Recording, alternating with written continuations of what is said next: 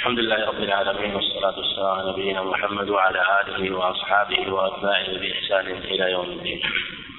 يقول المصنف رحمه الله: وكل ما قلت رجاله على وعكسه هو الذي قد نزل.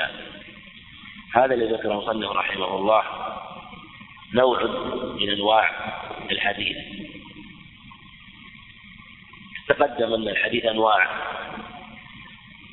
وأن اصطلاحات أهل العلم فيه كثيرة منهم من استوفاها ومنهم من ذكر أهمها المصنف رحمه الله كما تقدم بنى منظومته على النخبة رحمه الله. واستوفى غالب اصطلاحات أهل هذا الفن. ومن اصطلاحات أو من هذا الفن ما يسمى العلو في الإسناد نعلم أن من الأحاديث والرواية والأخبار مبنية على الرواية والإسناد. الرواية والإسناد. يقول وكل ما قلت رجاله على الإسناد الذي يكون رجاله قليلين أكمل وأتم ممن يكون رجاله كثيرين. لأنه أسلم من الخطأ والغلط. وأقل في البحث عن حال رواته لكن ليس قلة السند على كل حال تدل على سلامته وارتفاعه فقد يكون سندا مثلا قليل الرجال وسند آخر طويل ويكون الطويل أفضل لأن القليل فيه ضعف أو علة والطويل ليس كذلك.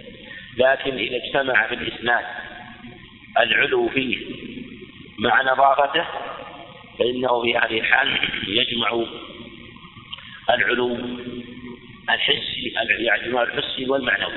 معنى أنه يجمع العلو من جهة قلة الرجال ويجمع العلو المعنوي من جهة نظافة سنده. وكل ما قلت رجاله على تقدم معنا أن السند هو الأصل في هذا ولهذا شرفت هذه الأمة بالإسناد واعتنت بالإسناد عناية عظيمة وكان الإسناد في هذه الأمة فضلا ومزية لها. يقول بعضهم بيننا وبين القوم القوائم بيننا وبين القوم القوائم والمراد بالقوائم أي الأسانيد. ويقول الثوري رحمه الله الإسناد سلاح المؤمن فإن لم يكن له سلاح فبأي شيء يقاتل ويقول حماد بن زيد رحمه الله لما تدارس بعض الناس يعني تدارس أسانيد و أو جعل يحدث بعض الناس بأحاديث ولا يذكر الأسانيد. فقال ما أحسنها أو ما أفضلها لو كان لها أجنحة. يعني لا يمكن أن يقوم الحديث إلا بأجنحة. كالطائر الذي لا يطير إلا بأجنحة. وحدث محدث عند بعضهم عند الزهري وغيره فقال لو كان لها خطم وعزمة يعني تقود كالخطام الزمام الذي يقاد به البهيمة فتسير معه. أما ما ليس له إسناد فإنه ضائع لا قيمة له. وعلى هذا اعتنوا بالإسناد عناية عظيمة. فكانوا يبحثون الحديث من طرق كثيرة وينقبون عنه وينظرون في حال الرواة وهل سمعوا ممن رووا عنه وهل أدركوهم وحال من أدركوهم هل هم ثقات أم ضعفاء. فرحلوا وسافروا وقطعوا الفيافي والقفاق وربما رحل الواحد منهم الرحلة العظيمة في حديث واحد لأجل أن يتثبت من سماعه أو أن يعلم أنه ثابت عمن نقل عنه. ورحل أبو أيوب إلى عقبة بن عامر لسماع حديث.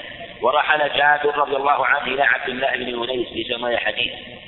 قيل إنه قد سمع الحديث لكن أراد أن يعلو به. وقيل إنه لم يسمعه بلغه عنه. وعلى كل حال فإن فيه دلالة على عظيم العناية بالعلو بالسند أو يعني هذا الحديث بلغه بواسطة فأراد أن أن يعلو. أو أنه لم يبلغه فأراد أن يرحل إلى من هو عنده. ولم يطلبه بواسطة. يمكن يطلبه بواسطة عند غيره لكن أراد أن يسمعه ممن بلغه عنه. وكل ما قلت رجاله على وعكسه هو الذي قد نزل. يقول محمد بن حاتم بن المظفر كما رواه عنه الخطيب وغيره يقول شرف الله هذه الأمة وأكرمها بالإسناد. فليس لأمة من الأمم أسانيد يرون بها. إنما الذين كانوا قبلنا من أهل الكتابين خلطوا ما بالتوراة والإنجيل بحكاياته واختلطت بقصصهم وأخبارهم فليس عندهم أسانيد ولا يعرفون الأسانيد.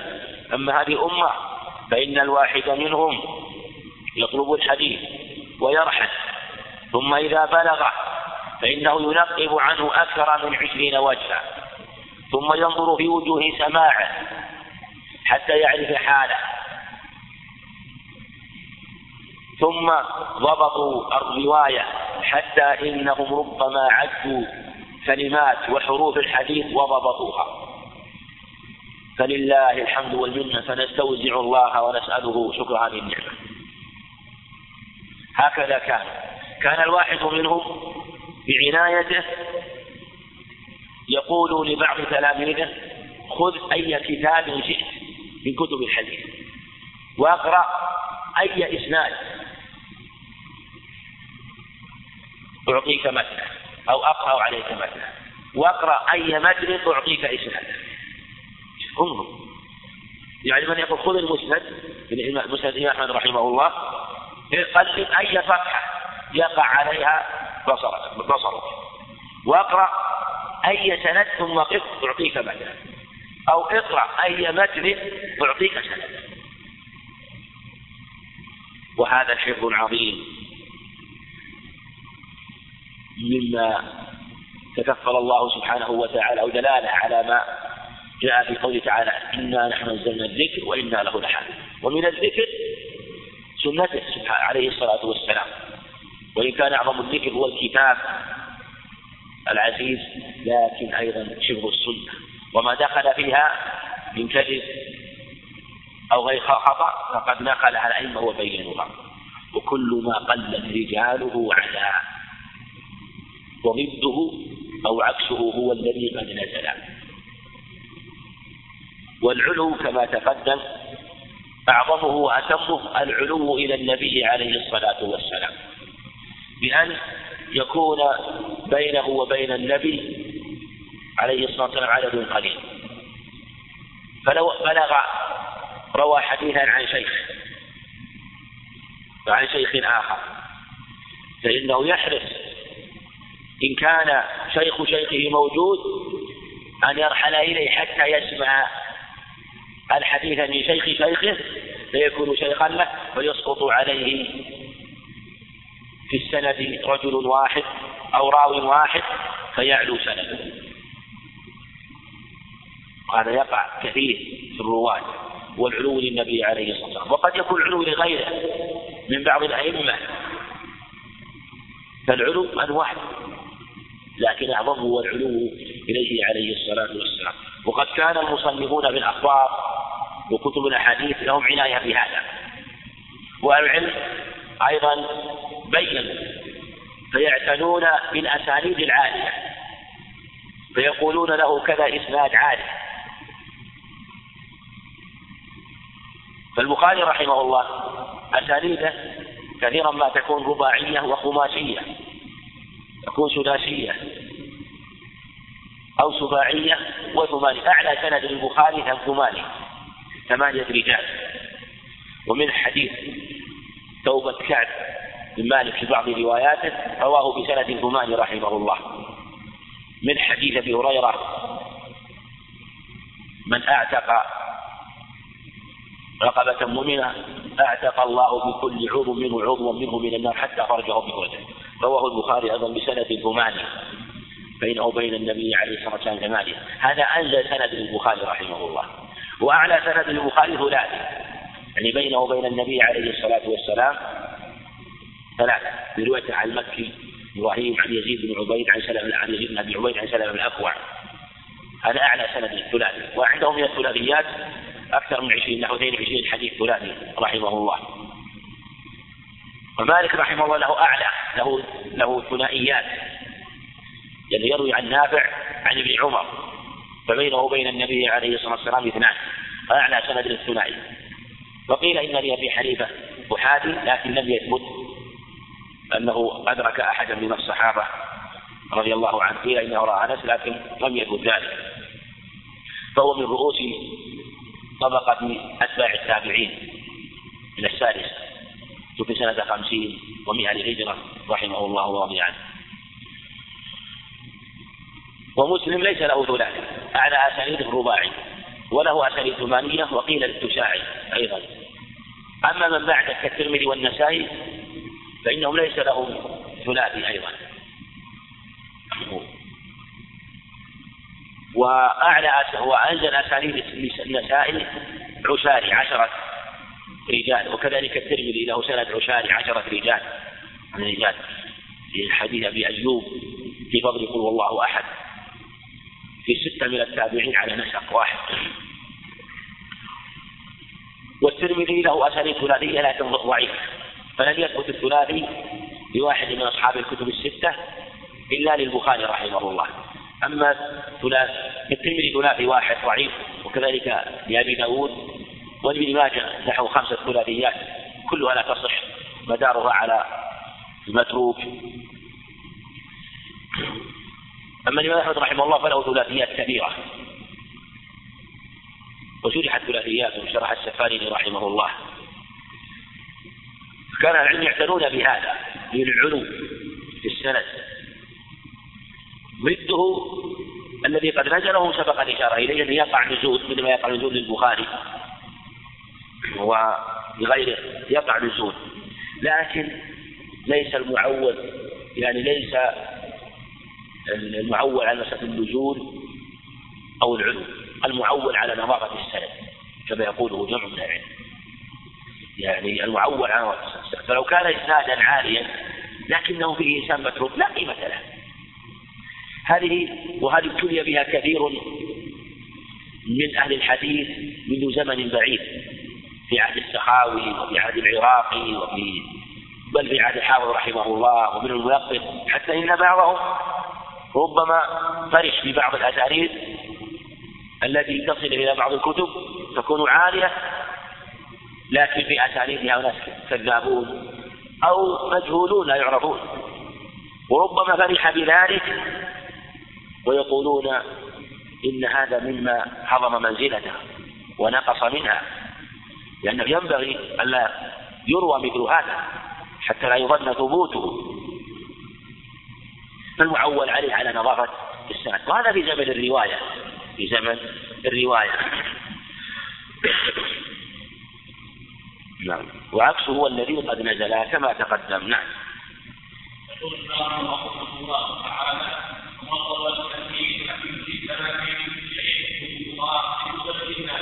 نعم. هذه رواية الحديث ومن روى الحديث من كتاب. كل من روى الحديث من كتاب معنى أنه روى عن شيخه. حديثا فصار شيخه صاحب ذا الكتاب. وهذا في الحقيقة يشمل جميع أنواع الرواية. يشمل جميع طرق التحمل. سواء كانت روايته لهذا الحديث الذي في كتابه عن شيخه سماعا سمعه منه. وهذا أعلى أنواع الرواية. أو قرأه على الشيخ وهذه الدرجة يسمونها العرض يسمونها العرض. أو كان عن طريق الإجازة أجازه بأنواعها بأنواع الإجازة. أو كان عن طريق الكتاب كتب له شيخه بذلك. أو عن طريق المناولة مع الإذن لأن الصحيح أن هذا لا بد فيها من الإذن أو عن طريق الوصية. أو الإعلام أو الوجادة هذه هي الطرق الثمانية ثمانية لرواية الحديث. السماع وعرض السماع يستمع لفظ الشيخ والإجازة والكتابة والمناولة والإعلام والوصية والوجادة. فيدخل في قول من روى ومن روى الحديث من كتاب كل من روى حديثا عن شيخ. فإن كان قد سمعه منه من لفظ الشيخ فهو أعلى أنواع الرواية. فشيخه صاحب ذا الكتاب أي هذا الكتاب. وإن كان هو يعني هو الذي كتب الحديث في كتابه لأنه إما أن يكتب الحديث في كتابه هو يعرضه على الشيخ أو يسمعه من لفظ الشيخ. إما أن يسمعه من لفظ الشيخ فيكتبه أو يعرض سماعه على الشيخ أو يعارض الشيخ بكتابه. يعني يعني يعارض الشيخ بكتابه. وربما أيضا سمعه من لفظ الشيخ وأستأذن الشيخ في أن يصحح سماعه في سماع من كتاب الشيخ. فالشيخ صاحب ذا الكتاب. وهذه كلها من طرق التحمل وفي بعضها خلاف. بين أهل العلم لكنها كلها من طرق التحمل الإعلام هو بالحقيقة إذا قال الإعلام بأن يقول هذا الكتاب من رواية عن فلان يعلمه يقول إن هذا الكتاب من روايتي فقوله إخبار بلا إذن هذا لا يجيزون الرواية به إلا إذا أذن. وإن أذن فهو في الحقيقة نوع من الإجازة إن قيل مجرد الإعلام لا تصح به الرواية سقط. وإن قيل سقط. وإن قيل يصح مع الإذن وهو كذلك فهو نوع من الإجازة. لكن قد يقال إجازة بإعلام فتكون أبلغ. إجازة بإعلام لأنه إجازة وزيادة. إجازة وزيادة ينقال كأنه قد أجزت لك أن تروي كتابي هذا يعني إذا كانت إجازة في شيء خاص وأعلمه أنه روايته عن فلان. فشيخه صاحب ذا الكتاب. صاحب ذا الكتاب. ومن ما يدخل في هذا في هذا أنه يجوز للراوي أن يتحمل ما لا يصح أداؤه. يجوز للتلميذ وللطالب أن يروي عن شيخه شيئا لا يصح أن يؤديه. فالتحمل غير الأداء. مثل تحمل الشهادة وأداء الشهادة. تحمل الشهادة وأداء الشهادة. قد يتحملها ولا يؤديها لكن قلت منه أداها. فالتحمل شيء والأداء شيء. والأداء شيء. فلهذا يصح أن يتحمل الراوي وإن كان صغيرا. لكن لا يؤدي إلا بعد الإدراك والبلوغ حتى يكون أهلا للأخذ وبعضهم نازع في هذا وقال يجوز أن يؤدي وإن كان لم يبلغ وذكروا أدلة في هذا لكن آه، جمهور العلم على أنه فرق بين الأداء والتحمل. واختلفوا في السن التي يصح بها التحمل والصواب في هذا أنه لا لا يحدد سن معين بل متى ما يعني عقل يعني عقل الجواب وفهم الخطاب فإنه يصح منه التحمل إذا عقل فهم. وذكروا قصص في هذا قصة محمود الربيع أنه عقل عن النبي صلى الله عليه وسلم مكة مجها من بئر لهم كما رواه البخاري. وكان السلف الله عليهم يأتون بصبيان صغارا ويكتبون لهم ويتحملون. والمعول عليه في هذا هو الفهم وعلى هذا ينظر إلى التمييز. فيختلف الأولاد في هذا من الصبيان وغيرهم آه، من الجواري ممن يصح تحمله ممن يصح تحمله. فإن كان يفهم ويدرك صح تحمله. وقد كان سفيان بن عيينة رحمه الله في مجلس يوم من الأيام. وكان يملي على طلابه. فدخل صبي صغير جل أجلسه أحدهم لكي يسمع. فقال بعضهم لا يصح سماع هذا الصبي. فقال أدنوه يقول سفيان رحمه الله. ثم قال لهم لو رأيتموني ولي عشر سنين طولي خمسة أشبار أكمامي قصار وذيلي بمقدار ووجهي كالدينار أختلف إلى علماء الأنصار كالزهري وعمرو بن دينار. أجلس بينهم كالمسمار.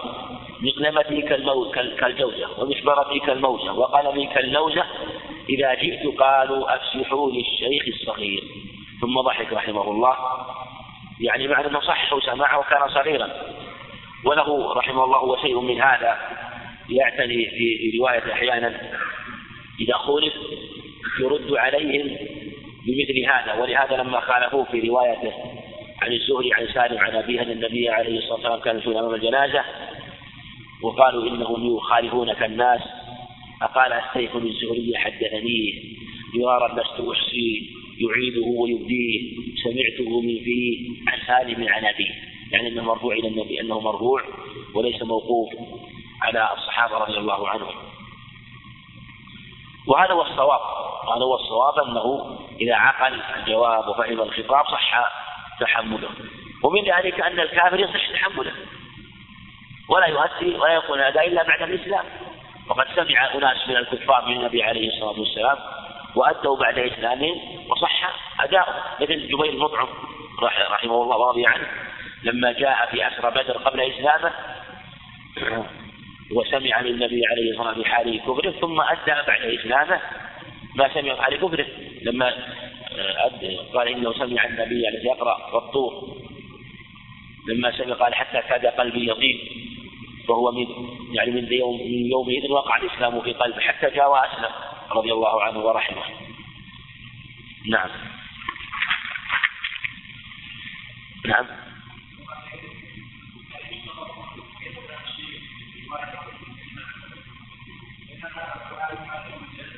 إذا إذا كان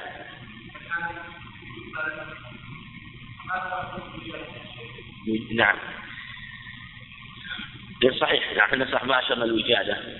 نعم. آه، نقول لا ليه إن طرق الرواية مثل ما تقدم. آه، من جهة السماع هذا واضح. إذا سمع منها أو سمع إذا سمع من شيخها أو قرأ شيخ هذا واضح. إذن كذلك طرق الرواية الأخرى.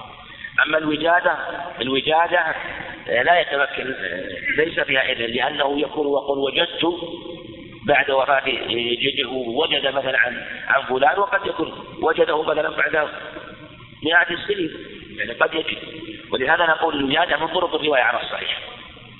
من طرق الرواية. والوجادة هو أن يجد كتابا مضبوطا عن راوي الرواة يعرف أنه كتابه. فيرويه عنه. لكن المعروف أنه يقول وجدت بخط فلان. فلا يقول حدثنا فلان. لا ما يقول حدثنا فلان. والعمدة في الحقيقة الآن منذ قرون كثيرة على الوجادة. ويقول ابن كثير ويقول الزركشي رحمه الله فيما نقل عن شيخ ابن كثير العمدة في هذه الأزمنة على الوجادة. ما في إلا الوجادة. ومثل الناس الآن. منذ قرون طويلة الرواية في الوجادة ولما صحت الكتب عن أصحابها وانتشرت لا يروى إلا عن طريق الوجادة. ولولا الوجادة لانقطعت. لانقطع فلا رواية إلا عن طريق الوجادة. فلا سماع وليست انتهى وهذا من رحمته لما لما الكتب دونت واستقرت وحفظت السنة انتشرت انتشار عظيم. وصار الكتاب الواحد يكون منه آلاف النسخ. في بلاد كثيرة ويكون منتشرا معروفا مقطوعا به. وترى النسخة في المشرق ونسخة في المغرب منذ زمان طويل. ومع ذلك لا تختلف هذه عن هذه حرفا واحدا إلا فيما يتعلق مثلا باختلاف النسخ في أصل الرواية من جهة الزيادة في بعضها ثم يتبين أنه في الأصل هكذا مثل الزيادات في بعض النسخ. والعمدة على الوجادة كما تقدم. لكن هل يقول حدثنا؟ لا لا يقول حدثنا. بعضهم استجاد أن يقول حدثنا بالوجادة لكن الصواب ما يقول حدثنا. يقول قال فلان لا بأس. أو وجدت في كتب في فلان. ومن ذلك طباعة الكتب اليوم. طباعة الكتب اليوم. لكن طباعة الكتب يظهر والله أعلم أنها من باب الإجازة لا من باب الوجادة. لأن الذي يطبع الكتاب ويأذن بطبعه فهو قد أذن فهو قد أذن عرفا للناس أن يروه عنه. كل من طبع كتاب وأخرجه وأذن بطبعه فقد أذن للناس برواية عنه. لكن هو يعني يعني يكون عرف لم يأذن مثلا أن يؤخذ منه أو أن يطبع مرة أخرى بغير إذنه أو أن يؤخذ منه إلا بقدر فعله لكن روايته عنه رواية من يقول قال فلان في كتابه هذا لا بأس به لأنه كالإجازة لعموم الناس أن يروا عن هذا الكتاب بأن يقول قال فلان مثلا في في يحدث عنه في مجلس أو في درس أو في محاضرة أو ما أشبه ذلك كل هذا جاري من باب الإجازة لأنه لأن الإجازة فيها أوضح أما الوجادة فأن يجد بخط شيخ من المشايخ أو راوي من الرواة كتابا فيرويه عنه فالعمدة كما تقدم عليها. وهي هي وهي يعني آخر طرق الرواية آخر طرق الرواية كما سبق الإشارة إليها. نعم. نعم. ألفاظ الرواية سمعت وحدثنا هذه أعلى أعلى أو حدثني لقد حدثني وحدثنا سمعت وسمعنا كلها صحيح أنه لا فرق فيها. كما قرره البخاري رحمه الله في صحيحه وذكر عن جمع من المشايخ لا فرق بين حدثني وأخبرني وسمعت. بعضهم فرق يعني أخبرنا يعني قراءة من لفظ الشيخ. قراءة أخبرني قراءة العرض أخبرني العرض هو قراءة على الشيخ. يعني قرأت عليه فأقر هذا أخبرني. وسمعت سمعت من لفظ الشيخ. والمعتمد لا فرق بينها بينها وبين كلها واحد. لكن اصطلاحات والأمر في هذا واسع. ثم يليها طرق الرواية الأخرى تستعمل بغير السماع. مثل قال فلان في الإجازة والمناولة والوصية والكتابة والوجادة هذه كلها لا يقال فيها سمع جميع طرق الرواية سوى صريح السماع لا يقال فيها إلا آه قال. أما ما كان صريحا بالسماع فيقال سمعت أو أخبرني أو ما أشبه ذلك نعم.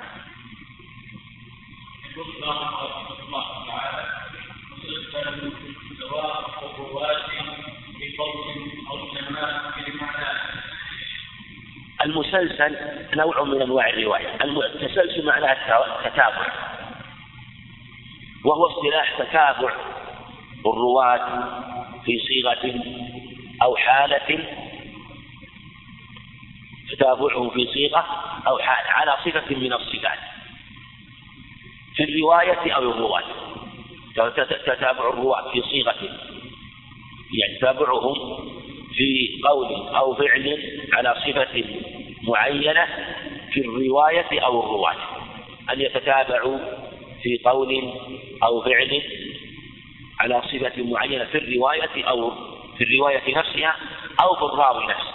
الرواية أو مثل يقول بعضهم حدثني وهو مشبك أصابعه فيقول تلميذه تلميذ حدثني شيخ مشبك أصابعه ويقول تلميذ تلميذه حدثني وشبك أصابعه هذا التابع في حالة من الحالات. أو يقول حدثني وهو قائم فيقول تلميذه حدثني وقال يقول تلميذه هكذا. أو يقول أو يكون مثلا تتابع في حدثني تحت الشجرة. ويقول حدثني تحت الشجرة. يعني أي أي أي صفة أو حال يتابعون عليه حدثني وهو متمسك. ويقول تلميذه حدثني وهو متمسك. وهكذا. يعني أي صفة وحالة من الحالات التابع فيها الراوي آه، مع من بعده فإنه يسمى تسلسل التتابع. نعم. الصوت شوي. اي نعم. هذا كذلك ذكروا منها من حديث معاذ رضي الله عنه إني لا أحبك لكنه آه، ينظر هل ثبت أن الرواة قالوا هذا هو حديث صحيح لكن المسلسلات عموما لا يكاد يصح منها إسناد غالب المسلسلات كلها باطلة كما نبه عليه الذهبي ما يكاد يصح إسناد إلا أشياء شيء أشياء نادرة وذلك أن الفائدة فيها قليلة الفائدة فيها قليلة. لكن هي إن وجدت فالتسلسل وفائدته يعني مزيد الضبط والعناية بالسماع. آه، لكن قل أن تسلم المسلسلات. أكثر المسلسلات تكون في الغالب لا تصح. في الغالب. إلا مسلسلات خاصة. وهنالك مثلا مسلسلات في غير ذلك. طيب مثلا لو قلنا المسلسلات في الأسماء مثل ماذا؟ تسلسل في الأسماء. وش مثل ماذا؟ تسلسل في الأسماء مثلا في أسماء الرواة. مثلا تسلسل في الحالات يعني في الرواية أو تسلسل في الرواة. تسلسل في الرواية مثلا يعني حدثني وهو كذا أو يقول كذا أو حالة من الحالات. لكن تسلسل في الرواة مثل ماذا؟ مثل أن يكون جميعهم اسمه عبد الله أو محمد. أو مثلا تسلسل في البلد مثلا. أن يكون أن يكون كلهم مثلا شام أن يكونوا شاميين أو مصريين أو ما أشبه ذلك. كل هذا يتسلسل في بالنسبة إلى بلد من البلاد. إذا التسلسل كما تقدم قد يكون في نفس الرواة بأسمائهم أو التسلسل مثلا في بلادهم أو ما أشبه ذلك. وهذا كما تقدم أنواع كثيرة لا حصر لها. أنواع كثيرة لا حصر. لكن الفائدة فيها ليست بذات. وهو آه، يعني علم العلوم الرواية كما تقدم وأصح المسلسلات المسلسل في سورة الصف في حديث عبد الله بن سلام لما قال يقول عبد الله بن سلام اجتمع نفر من أصحاب النبي صلى الله عليه وسلم فقلنا لو علمنا أي الأعمال احب إلى الله عز وجل فعملنا به. فنزلت آية سورة الصف يا أيها الذين آمنوا تقولوا ما لا تفعلون تقولون ما لا تفعلون. كبر مقطع عند الله تقولوا ما لا تفعلون. أو نزل إن الله يحب الدعم إن الله يحب الذين يقاتلون صفا كأنهم بنيان مرصوص. نزلت هذه الآية وأنه من أحب الأعمال إلى الله. هذا حديث من أصح هذا أصح مسلسل في الدنيا. أصح مسلسل في الدنيا هذا. روى أحمد الترمذي وإسناده قوي. روى الترمذي من حديث عبد الله بن سلام. و عبد الله بن سلام أيضا يقول فقرأ علينا النبي عليه الصلاة والسلام السورة أو الآية. قال قال أبو سلمة لأن الترمذي رحمه الله وقال حدثنا عبد الله بن عبد الرحمن هذا هو الدارمي. حدثنا محمد بن كثير شيخ عبد الله بن عبد الرحمن الدارمي. عن الأوزاعي عن يحيى بن أبي كثير عن أبي سلمة عن عبد الله بن سلام. وإسناده صحيح. عبد بن سلام يقول فقرأ علينا رسول الله صلى الله عليه وسلم الآية أو السورة.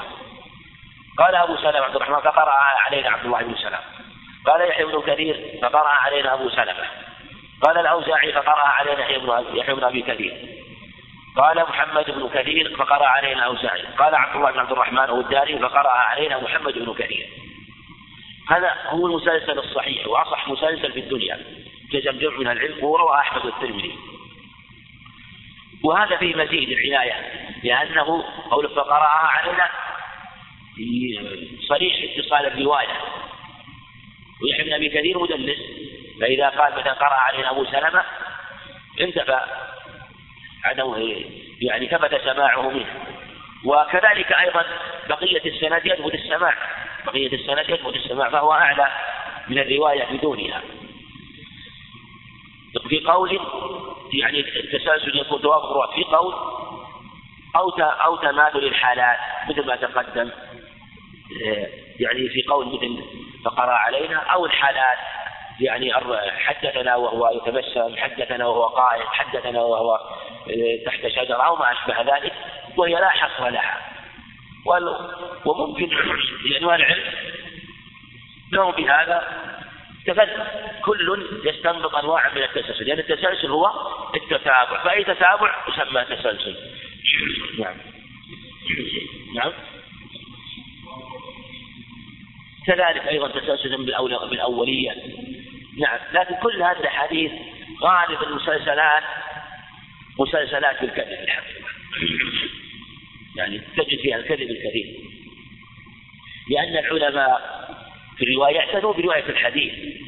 ما يعتنوا مثلا بأمور قد تشغل حدثني وهو كذا حدثني. ما هم أهم عن رواية الحديث رواية الحديث. لكن قد يقع أحيانا أن مثل هذا يستوثق يقول له من أين أين حدث أين حدث يقول حدثني تحت الشجرة الفلانية أو في المكان الفلاني. لكن أن يتسلسل يقول تسلسل مثلا آه، حدث في نفس المكان أو في مكان مماثل هذا لا يكاد يقع.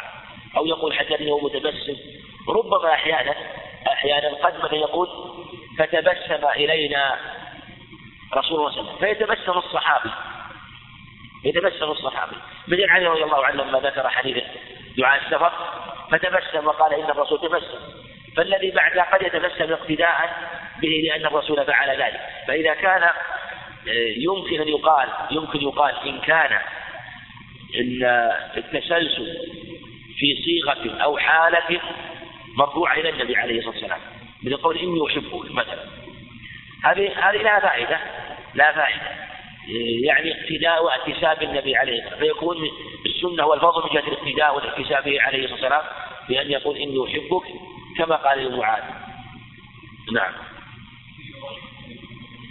كذلك الراحمون يرحم الله أيضا في ضعف يعني في نفس التسلسل الذي فيه. الحديث له طرق يعني عبد الله بن عمرو وله طرق آه، وشواهد في الصحيحين لكن باللفظ هذا منهم من ضعف يعني. أما ذكر مع التسلسلات ذكروا لكن فيه ضعف. نعم.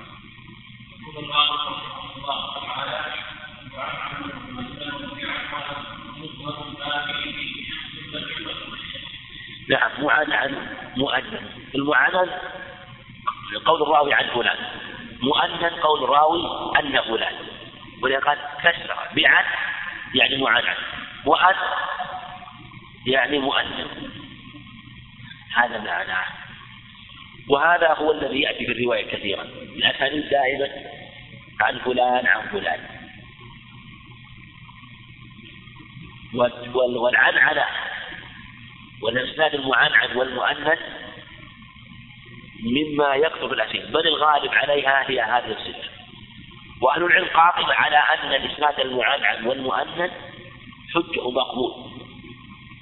حجة ومقبول. لكن اختلفوا في الشروط. فالكل إسناد جاء الراوي وقال عن فلان أو أن فلان هو مقبول أو بشروط. العلماء متفقون على قبول إسناد المعنن المعنعن والمؤنن إذا سمعت في شروط. عدالة الرواة براءة من التدليس لقاء بعضهم ببعض إذا توفرت هذه الشروط الثلاثة عدالة الرواة براءة من التدليس لقاء بعضهم بعض. إذا اجتمعت هذه الشروط الثلاثة فإنه سند حجة بالإجماع قاله أبو عمر بن عبد البر وأبو عمرو الداني رحمه الله. حكى حكوا الإجماع على هذا. وهو ما جمع هذه الشروط الثلاثة. ما هي الشروط؟ عدالة الرواة براءة من التدليس لقاء بعضهم بعض.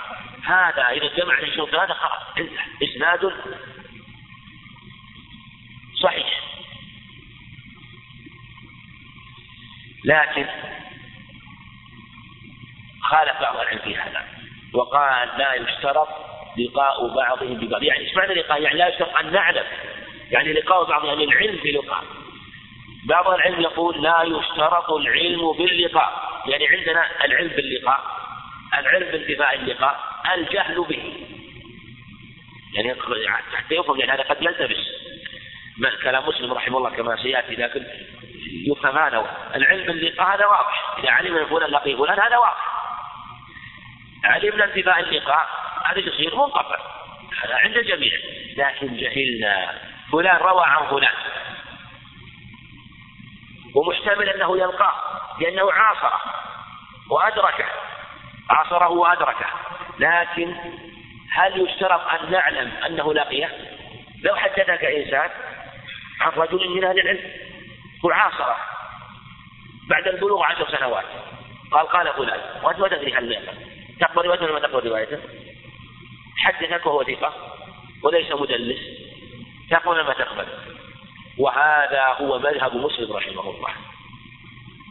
مسلم رحمه الله يقول إذا كان الراوي عدلا وبريئا من التدريس وعاصر عاصر فلا يشترط أن نعلم أنه لقيه ولهذا شنع مسلم رحمه الله على من اشترط ثبوت اللقي اشترط ثبوت الجمهور البخاري رحمه الله كثير من أهل العلم يشترطون اللقاء ولو مرة واحدة. منهم من بالغ مثل أبو المظفر السمعاني قال يشترط طول اللقاء وطول المجالسة. لكن هذا مذهب ضعيف. اشتراط اللقاء هذا لا لا يكاد يكون لكن هل يشترط اللقاء ولو مرة واحدة العلم به؟ أو لا يشترط حقيقة مذهب مسلم حينما تنظر به وتتأمله هو مذهب قوي. بأن الراوي إذا كان ثقة وليس مدلسا وعاصر من روى عنه وروى تحمل على السماع ولا على عدم السماع؟ على السماع. فحسن الظن به وفرض الواقع أنه لقيه وأنه سمع. إن قلنا إنه لا نثبت روايتك إلا بعلم أنك لقيته لا يخلو الحال من أحد أمرين. إما أن نقول إنك لست عدلا أو أنت مدلس. ليس كذلك؟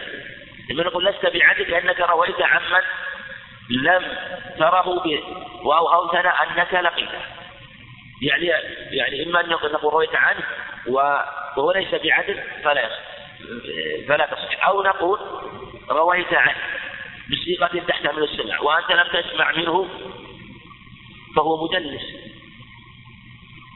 أو مرسل خفي كما يقول بعضهم لكن الشاذ نحن إذا نفينا عدم إذا قلنا لم يسمع صراحة نفينا لم يسمع وروى عنه مدلس. ولهذا مسلم رحشن على من خالف في هذا. وقال رحمه الله يعني قولا شديدا وقيل إن قصد البخاري بذلك وقيل قصد غيره. ولهذا قال معنن معنعن مؤنن لعن وعن. فالإنسان يقول عن عن فلان أو أن فلان أو قال فلان وذكر أي صيغة ليس فيها السماع. عن فلان أو أن فلان أو قال فلان أو ذكر فلان كلها معناها واحد كلها معناها معناها واحد. كل ما لم يكن صيغة سماع معناها واحد. يعني عرفنا أنه بشروط الثلاثة يثبت السند واتصاله بشروط الثلاثة كما حكى الإجماع على ما تقدم. إنما الخلاف في الشرط الثالث. أما الشرط الأول ما في خلاف إذا فات أنه لا يثبت. أو الشرط الثاني والتلبيس كذلك إنما خلاف الشرط الثالث نعم.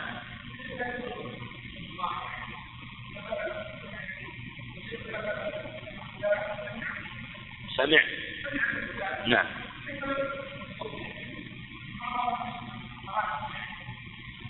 قد تكروى عن فلان. مو سمع فلان.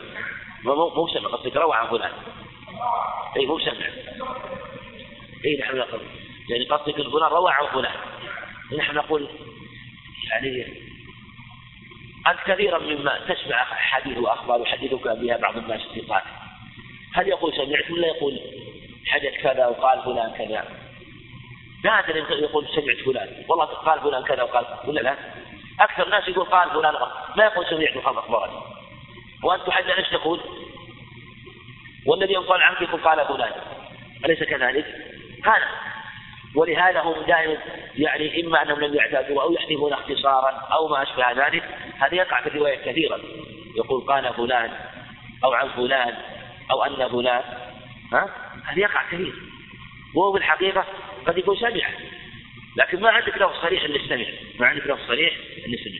فإذا حدثك عن فلان أو قال فلان فنحن حسن الظن أنه ماذا؟ سمع منه. إلا إلا إذا علم علم عدم سماعه بكونه. لو مثلا إنسان قال والله يعني نقل عن يعني عن شخص لم ينقل مثل حدثنا أحد الإخوان قال والله هذا هذا قول الشيخ محمد إبراهيم مثلا. هذا قاله الشيخ محمد الإمام محمد عبد الوهاب مثلا. نعم. ما عاصر ولا نجم بماذا؟ أنهم أنهم أنه ما لقي نعم. نجم فهذا يعني إما أنه نقل من يعني إما نقل من كتابه وبينه وبينه واسطة أو كذا لابد. آه، لكن حينما ينقل عمن عاصره وأدركه لكن لا ندري هل سمع ما سمع. نحن عندنا ما عندنا جزم الظن أنه سمع. لأنه عدل وليس بمدلس نعم.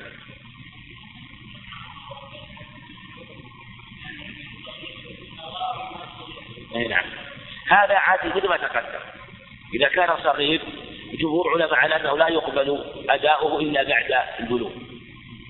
بخلاف وأنا ما عندي بها تحقيق الحقيقة لكن معروف جمهور العلم يقولون إنه يصح تحمله ولا يصح أداؤه مثل الشهادة لو تحملها مثلا وهو آه، غير مميز مثلا مميز ما صح أداؤها لكن إذا أداها قال أنا أعقل أن فلان أعطى فلان كذا أقر لفلان كذا. وأداها بعد البلوغ قبلت. منهم من قال الرواية أيسر وأخف لكن الأظهر والله أعلم مثل ما تقدم أنه لابد أن يكون أداء بعد البلوغ ومبهم ما فيه شخص لم يبن المبهم ما هو؟ هل هو المجهول أو غير المجهول؟ إيش تقولون؟ المبهم. ها؟ هل بينهما فرق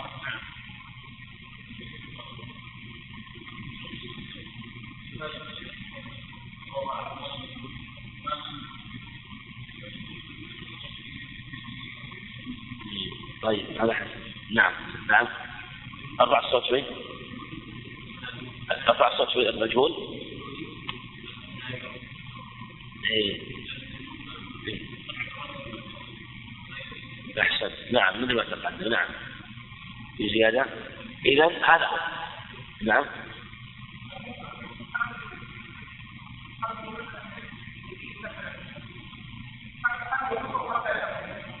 مبهم مطلقا.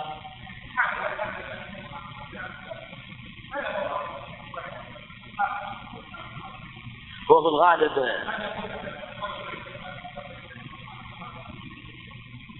طيب هو في الغالب ما ما يكون الصحابي مبهم إذا قال عن رجل عن النبي عليه الصلاة والسلام ما تقول الصحابي لكن لو قال حدثني رجل من أصحاب النبي صلى الله عليه وسلم أو أحد أصحاب النبي عليه السلام هذا صحيح. هذا هذا لا يضر. لكن نعم.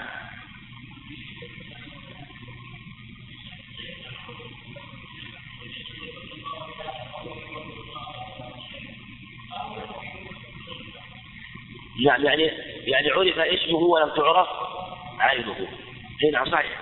إذا على هذا المجهول هو الذي فلان ابن فلان معروف اسمه لكن لم تعرف عينه. المبهم يقول عن رجل عن شخص أو يضاف يقال ابن فلان ابن عن فلان.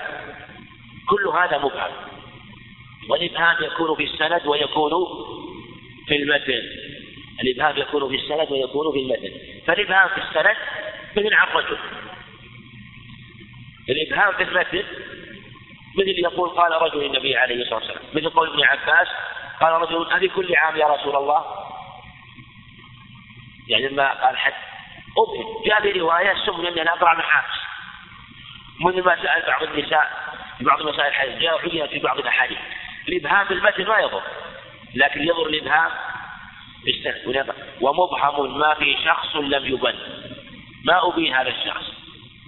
بخلاف المجهول فهو الذي علم اسمه لكن لم تعلم وهو عند الجمهور نوعان. مجهول عين ومجهول حال. مجهول العين هو الذي لم يروي عنه إلا واحد. ومجهول الحال هو الذي روى عنه إثنان. ومنهم قال على التحقيق لا فرق في الرواية. لا فرق في الرواية. قد يكون في الشخص يعني التفريق بأن مجهول العين ومروا عن واحد ومجهول الحال مروا عن اثنان قالوا هذا لا دليل عليه. ولهذا الصواب الشهرة الشهرة فقد يكون شخص روى عنه واحد من أهل العلم الكبار ويرتفع عن جهالة العلم وشخص روى عن اثنان أو ثلاثة فلا يرتفع عن جهالة العين لأنه مغمور والذي روى عنه قوم مغمور وهذا هو الأظهر في مسألة مجهول العين ومجهول الحال. نعم. نعم. فرق ماذا؟ أرفع صوت شوي. إيه. اي نعم. هذا محل إجماع. إذا كان بس إذا علمنا أن الصحابة إذا كان الم... إذا كان الابهام الصحابي هذا ما يضر بلا خلاف. لأن الصحابة كلهم عدود لكن لو قال عن رجل عن النبي عليه الصلاه والسلام لا إذا قال صاحب النبي أو من أصحاب النبي وكان الذي قال ثقة ومثله يدرك زمن الصحابة فهذا عند جمهور علماء يكون المبهم صحابيا. نعم. نعم. إيه. هذا في بحث كثير للعلم يعني في مسألة مجهول صحيح أنه أن الشخص وإن اشتهر وإن كثر الرواة عنه فإنه لا يخرج عن حد الجهالة. وهو مجهول حاله ومستور حتى يعدل. ويشترط في المعدل في المعدل ألا يكون تعيين تعديلا على الإبهام فلو قال حدثني الثقة فلا يكفي. ولو كان إمام كبير لو قال مثلا ابن معين أو مالك حدثني الثقة لا يكون توثيقا على الإمام بل لابد أن يقول فلان الثقة. يعينه. يعينه. ثم يشترط في الموثق أن يكون معتمدا في التوثيق. فلو كان متساهلا كابن حبان وابن شاهين والحاكم وكذلك يقرب منه ابن خزيمة رحمه الله فإنه فإن توثيقه لا يعتبر على الصحيح. أرفع من توثيق الدار رحمه الله وأرفع منه توثيق من فوقه مثل ابن معين وأمثاله وأشد من هذا أبو حاتم رحمه الله ويحيى بن سعيد بن قطان. فهؤلاء إذا وثقوا رجلا فاسجد إليك به فإنه يعني قد بلغ القوة في الثقة والعدالة. نعم.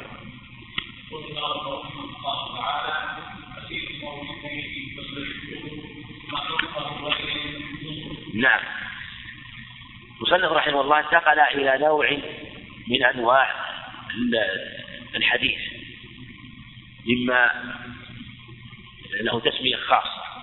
عزيز بلا تنوين للضرورة مروي بسكون الراء بسكون الياء أيضا. عزيز مروي اثنين والمشهور.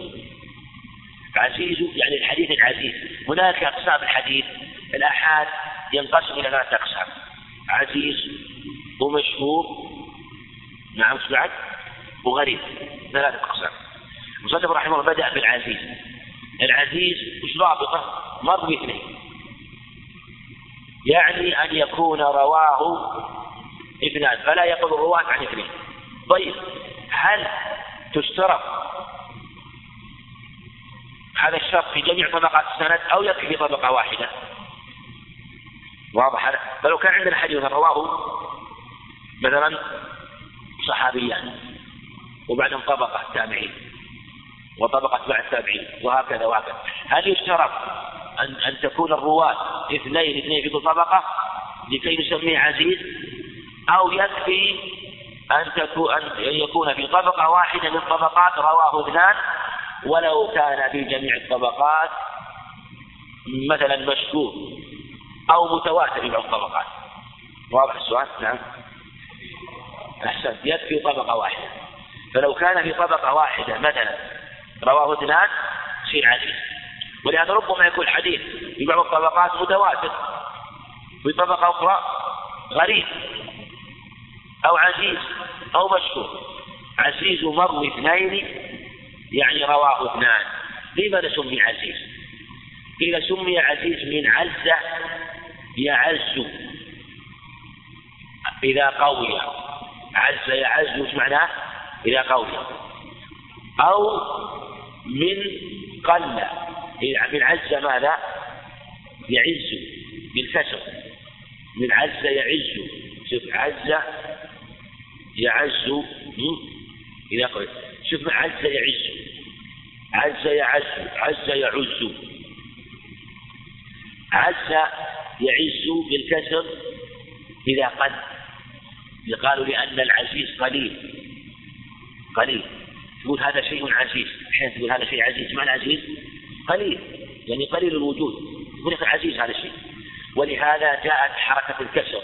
فهي أقل الحركات صارت لأقل المعاني. أو من عز يعز وش معناه؟ إذا إذا قوي. صار قوي. وصارت لحركة الفتح لأن أربع حركات الكسر. وهي وعز ومادة عز أيضا بالضم لكنها ليست في معنى الحديث العيد لكن من جهة اللغة عز يعز بالضم حركة الضم أقوى الحركات ولا لا؟ عز يعز إذا ماذا؟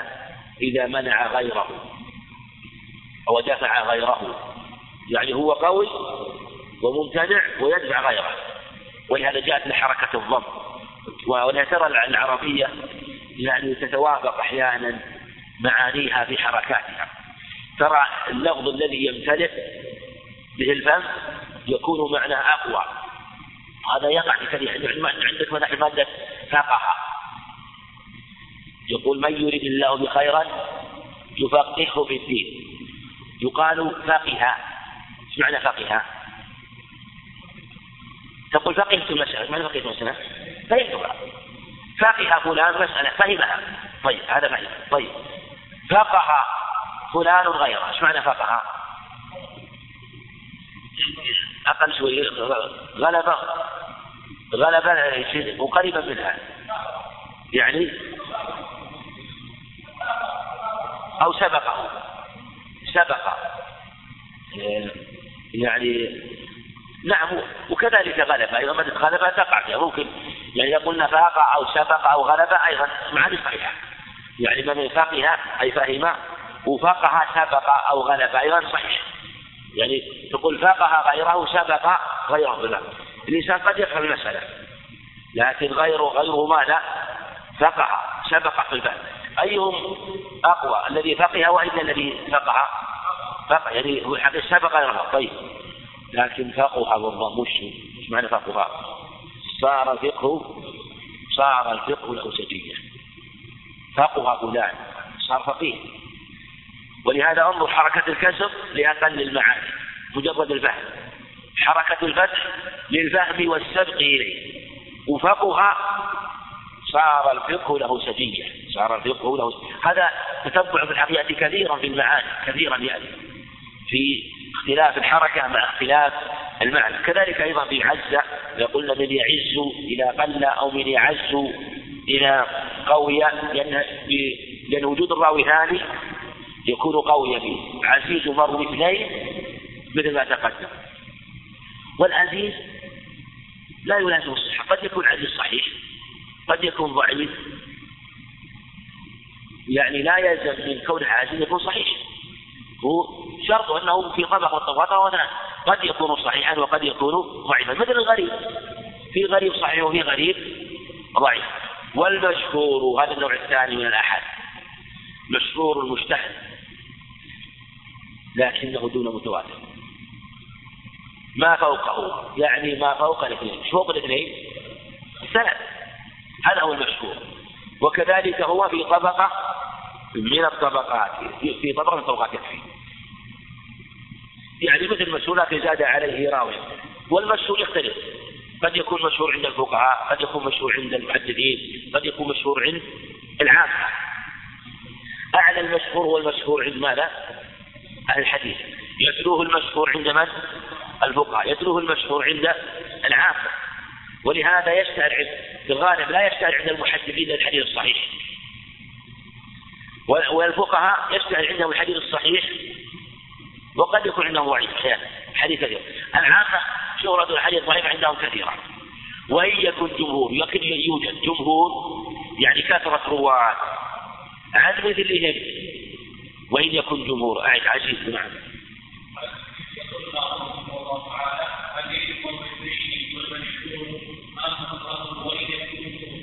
نعم وإن يكن جمهور.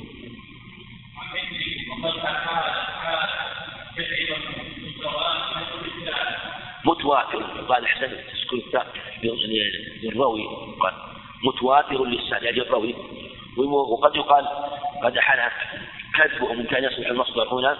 قد حالت كذبهم متواتر للسان متواتر للسان وإن يكن جمهور وإن يكن يعني يوجد جمهور يعني جمهور الرواة.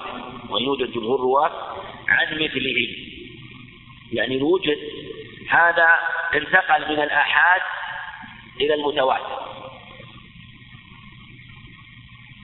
المؤاحاد هو ما لم يبلغ رتبة المتواتر.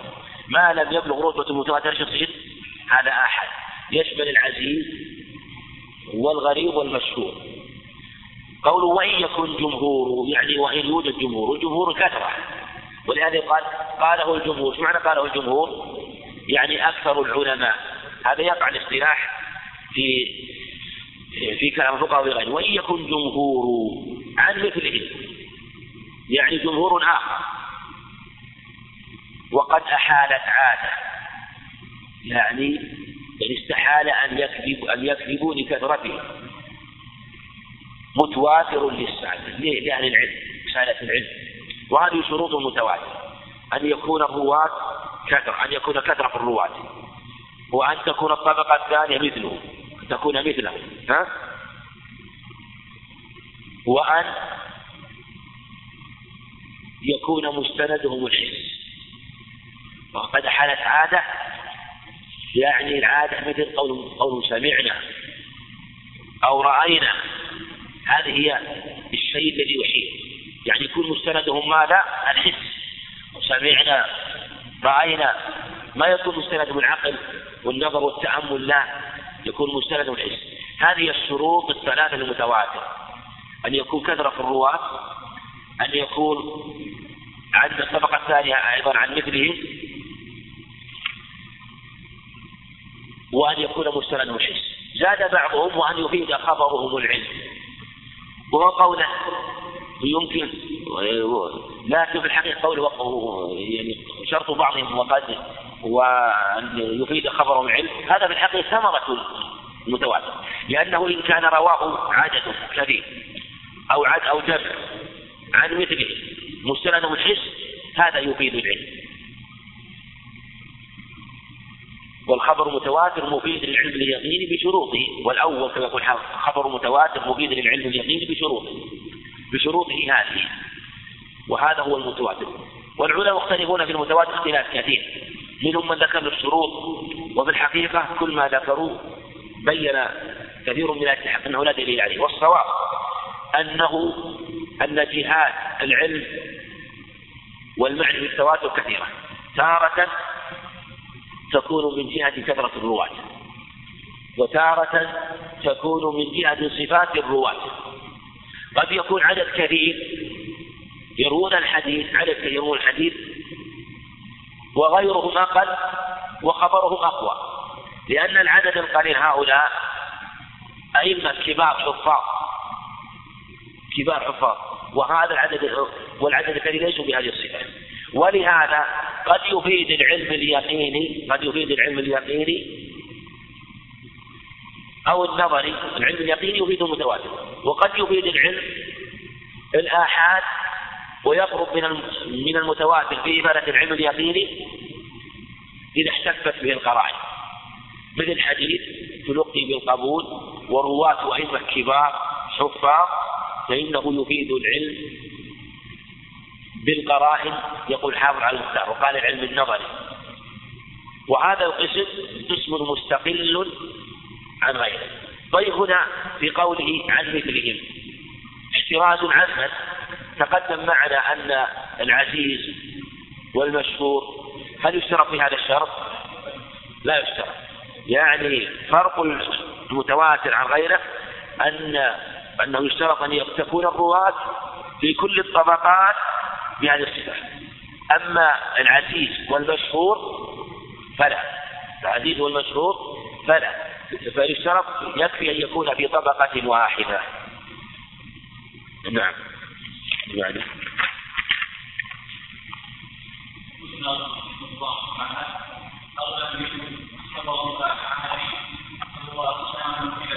نعم كيف على هذا.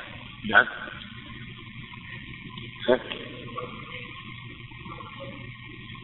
العزيز نعم. طبقة واحدة. يعني نعرف السند. ها؟ يعني مثلا حديث رواه أنس وأبو هريرة عن النبي عليه الصلاة والسلام. هذه الطبقة الأولى ما هي؟ صحابية. صحابية. فإذا وجد حديث رواه مثلا رجلان. نأخذ طبقة الصحابة رواه رجلان عن النبي عليه الصلاة والسلام. وبعده رواه على الكثير. ما نسميه عزيز. نسميه عزيز لأنه رواه أو مثلا رواه مثلا جمع من الصحابة. أنس وأبو هريرة وجابر وابن عمر. نعم. ورواه مثلا عن هؤلاء الصحابة إثنان. لم يروه إلا إثنان. في الطبقة هذه فإنه يكون إثنان من التابعين. فإنه يكون عزيزا. ولو كان ولو كان الذين رواه عن الطبقة الثالثة التي روته عنهم طبقة أكثر أربع من عزيز مشهور أو متواتر. نعم. نعم. يصير يصير غريب. يصير من حديث عمر رضي الله عنه يأتينا بالغريب. يعني إذا إذا فات الشر في طبقة احكم على الطبقة هذه. إذا كانت الطبقة هذه طبقة مثلا رواتنا عجز ولو كانت بقية طبقات تواتر الطبقة هذه اثنان فهو واحد فهو غريب ثلاثة فهو مشهور. نعم. نعم. لا المتواتر يعني بعضهم حتى معنى عدد لكن الصحيح ما له عدد عدد كثير عدد كثير. بعضهم قال انه يكفي أن يكونوا أربعة فوق الثلاثة.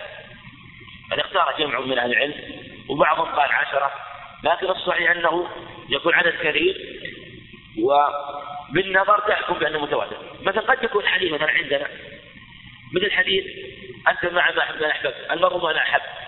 رواه أنس وأبو موسى والمسعود ورواه جمع من الصحابة. والصحيح حكم جمع من العلم بانه متواتر. متواتر. مع أن الصحابة رواه يعني ليسوا كثيرين لكن لتعدد الطرق عنهم وكثرة ونظافة الأسانيد وقوتها صار متواترا. ثم المتواتر نوعان تواتر لفظي وتواتر معنوي. والتواتر اللفظي هو أن يتواتر بلفظ واحد. وليس في المتواترة اللفظية إلا شيء. قليل مثل قول من من كذب عليه متعمدا فليتبوى مقعده من النار. هذا الحديث. أما المتواتر معناه هو كثير من الأحاديث الحوض والشفاعة وما أشبه ذلك. نعم.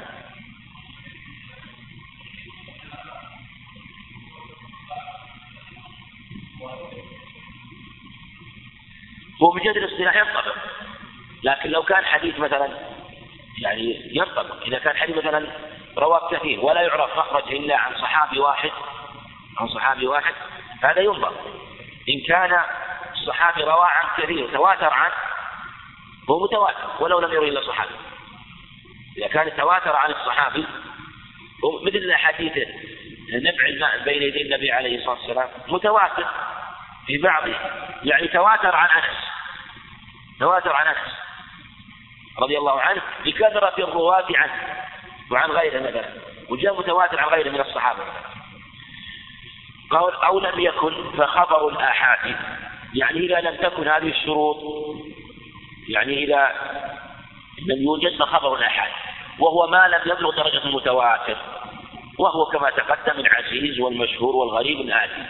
فهو أقسام كما تقدم بلا عناد يعني أنه عند العلم ما حد خالف في هذا. متفقون عليه وعلى أقسامه لكن يختلفون في بعض الشروط أو في بعض الضوابط كما تقدم في المتواتر والله أعلم. نعم قبل هذا أريد يعني في آه، أريد من إخواننا يعني استخراج حديث من من كتب السنة أو أو من مسند حديث بسنده فيه فيه مبهم فيه مبهم. مبهم السند استخراج حديث بسند مبهم بسند فيه مبهم. نعم ذكر السند بس مجرد ذكر السند والحديث بس. وبيان المبهم يقال المبهم يذكر يذكر السند مع حديثه ويقال مبهم مثلا فلان. نعم والله أعلم. إذا قال الشيخ إيه. إجازة نعم. الإجازة كما يقول إجازة خاص في خاص خاص في عام عام في خاص عام في عام هي أربعة أنواع. أعلاها إجازة خاص في خاص يقول أجزت لك أن تروي عني هذا الكتاب وتكون إجازة لفلان. أجزت لك أن تروي عني هذا هذه خاص في خاص وهي أعلى أنواع الإجازة خاص في عام أن يقول أجزت لكم أن تروا عن أو للمسلم أن يروى عن هذا الكتاب. هذه إجازة خاصة في عام. أو عام أو عموم أجزت لك أن تروي عموم الكتب. إجازة عامة في عموم الكتب لخاص آه، أقلها عام في عام. أجزت لعموم المسلمين أن يروا عني جميع الكتب. هذه اختلف بعض العلماء حتى والصحيح جوازها. بل أجاد بعضهم الإجازة لما قال بعضهم أريد أن تجيز لابني. قال أجزت لابنك ولحبل الحبلة. الولد ولد كلمة عندنا يعني جاز بعضهم هذا. يعني معنى أنه رواية ولا يضر. أقول لا يضر. نعم.